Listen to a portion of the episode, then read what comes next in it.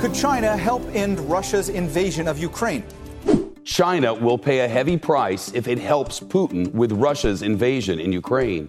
Today's meeting in Rome between top American and Chinese officials was preceded by reporting that Moscow had asked Beijing for military assistance. Ja, så här låter en del av nyhetsrapporteringen om att USA varnar Kina för att stötta Ryssland i kriget i Ukraina. Men vilken roll kommer Kina att ta i den här konflikten och vad får det för konsekvenser? Välkommen till Studio DN med mig Ylke Holago. Och med mig idag har jag Dagens Nyheters Asienkorrespondent Marianne Björklund och du är med oss direkt från Peking. Hej! Hej!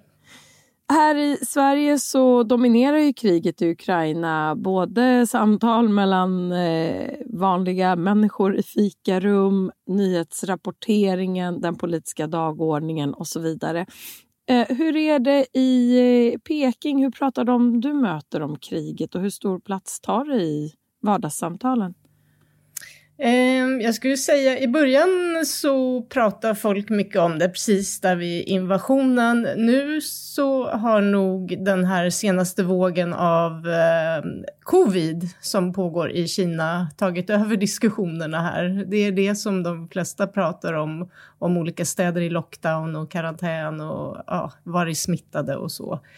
Men eh, visst, eh, många pratar ju om det som pågår och många frågar mig, vad tycker du, vad är det som händer? Och, för rapporteringen här är ju lite annorlunda än vad den är i, i våra medier. Hur skulle du säga att de du möter förhåller sig till situationen? Hur uppfattar de eh, själva krigssituationen mm. och de olika hållningarna? Nej, men det är ju så svårt att dra en generaliserad bild här i det här landet med över en miljard människor. Med, och här finns det ju allt ifrån Putin-kramare till eh, de som intar eh, regimens lite så vaga hållning.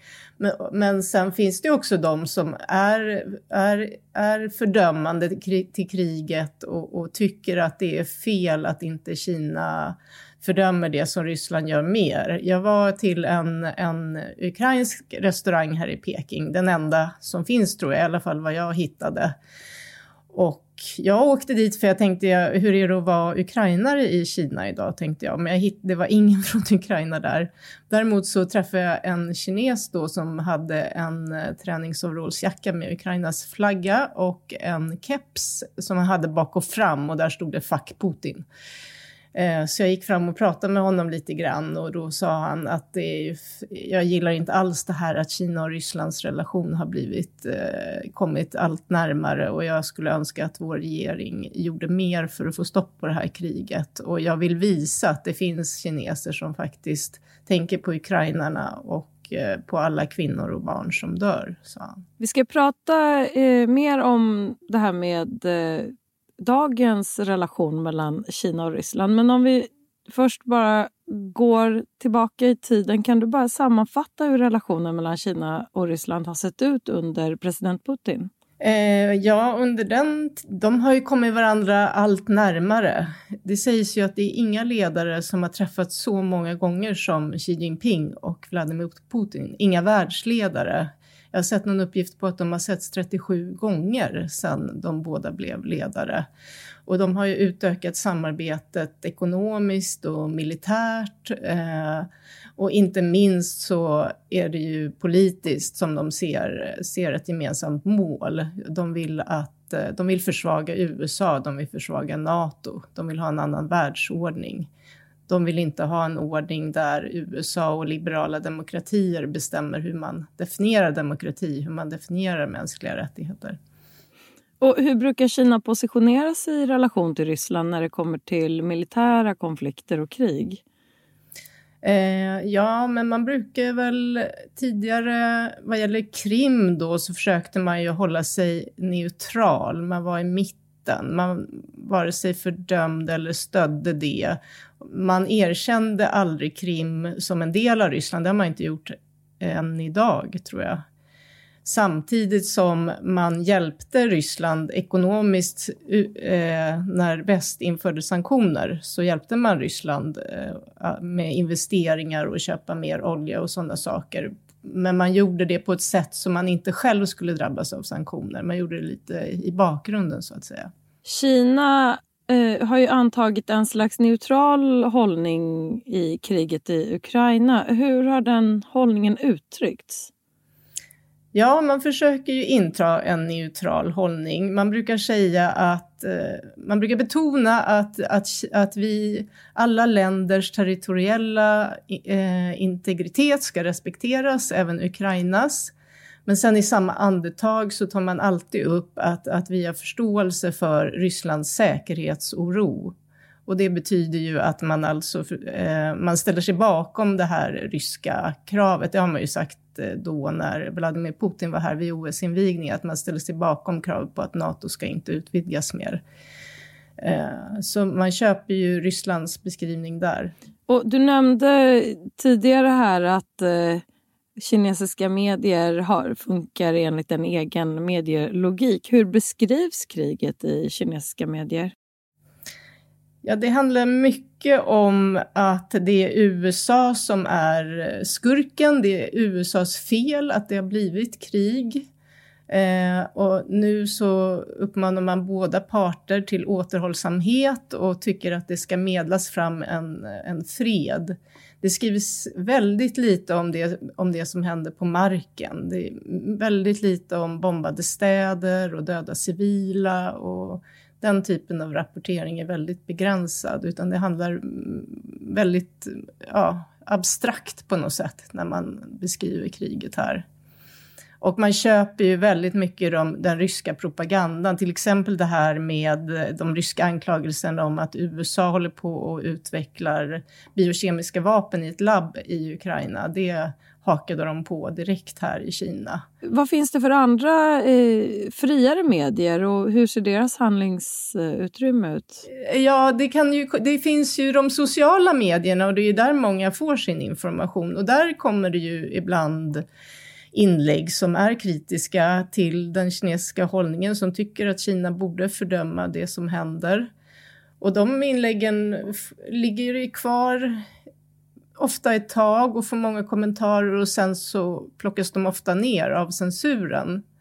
Sen vet jag att det finns en kille, en kines, som är, är kvar i Odessa som filmar nästan varje dag och lägger ut både på kinesiska medier eller sociala medier och Youtube och försöker och eh, han säger att han vill berätta sin bild och vill, vill att kineserna ska, ska få liksom en mer sanningsenlig bild av vad som pågår. Så det finns ju sådana eh, försök. Det finns ju amerikanska underrättelseuppgifter om att Ryssland ska ha bett Kina om ekonomisk och militär hjälp i kriget i Ukraina. Och det här diskuterades ju tidigt i, i veckan. Hur säkra kan de här uppgifterna vara? Vad vet vi om det? Ja, det, det är svårt att säga hur säkra de uppgifterna är. Det är ju underrättelsekällor som citeras anonymt. Eh, och ja, jag har ju ingen ingång där direkt, men man kan ju tänka sig att Ryssland verkligen behöver ekonomisk hjälp, så det skulle ju inte vara någon sensation tycker jag om de bad Kina om det. Sen militär hjälp, det är jättesvårt att säga. Traditionellt har det ju varit Ryssland som exporterat vapen till Kina. Men Kina har ju också på senare tid satsat jättemycket på militären och har väldigt avancerade vapen. Men jag har också sett att en del påpekar att det är ett annat system så att om, om Ryssland ska använda kinesiska vapen så är det ingenting man kan komma igång med en handvändning så att säga. Utan då, då krävs utbildning också för att använda de kinesiska vapnen. Så det är svårt att säga. De här eh, underrättelseuppgifterna avvisades i måndags av Kina som kallade det för att det är USA som kommer med elakartad information. Och från Kreml kom samma budskap. Talespersonen Dmitrij Peskov dementerade att Ryssland skulle ha bett Kina om militärhjälp. Och samtidigt så har ju Kinas ledare Xi Jinping och president Putin så sent som i januari uttryckt att deras partnerskap är obegränsat. Hur ser det här partnerskapet ut? Ja, nej, men det är ju som någon typ av eh, resonemangsäktenskap skulle man väl kunna säga. Att de, de, eh, de enas ju i det här att de vill ha en ny världsordning som vi pratade om förut. De enas i sin fiendeskap gentemot USA och de hoppas kunna försvaga USA och NATO. Ehm, sen finns det ju sen tidigare, eh, den här relationen har ju inte alltid varit så eh, nära. De har ju, eh, under kalla kriget stod de ju på olika sidor. Med, Kina när, närmade sig ju USA och började handla mycket med USA medan det var Sovjetunionen som var den stora fienden för USA på den tiden. Jag vet att det var en gränskonflikt mellan Kina och Sovjetunionen som nästan utbröt i krig. Så det finns fortfarande en, en viss misstänksamhet i relationen också. Men det sägs att Xi Jinping och Vladimir Putin har en väldigt bra personkemi och kommer väldigt bra överens. Om de här uppgifterna eh, skulle stämma om att eh, Ryssland har bett Kina om hjälp och Kina då skulle hörsamma det och skicka stöd till Ryssland, vad skulle det innebära för kriget? ja men då tar ju kriget en helt annan vändning. Då har vi ju ett eh, då har du ju EU och USA som stödjer Ukraina och så har vi Kina och Ryssland på andra sidan då som, som stöd, ja, då har man ju nästan ett proxykrig mellan två supermakter i världen. Och det skulle ju försvaga dessutom då Ukrainas möjligheter att försvara sig om de får vapen från Kina. Men det, då, blir, då närmar vi oss ett världskrig nästan även om de inte är direkt med i striderna, så, så, tar, blir, så får det en helt annan dimension. USAs och Kinas säkerhetsrådgivare träffades i måndags i Rom. Vad, vad kom de fram till där? Ja, det har inte kommit ut sådär jättemycket från det, men vad, vad jag förstår så varnade ju då USA Kina för att hjälpa Ryssland ekonomiskt och militärt och att om ni gör det så kommer ni också utsättas för sanktioner, var väl budskapet från den amerikanska sidan i alla fall.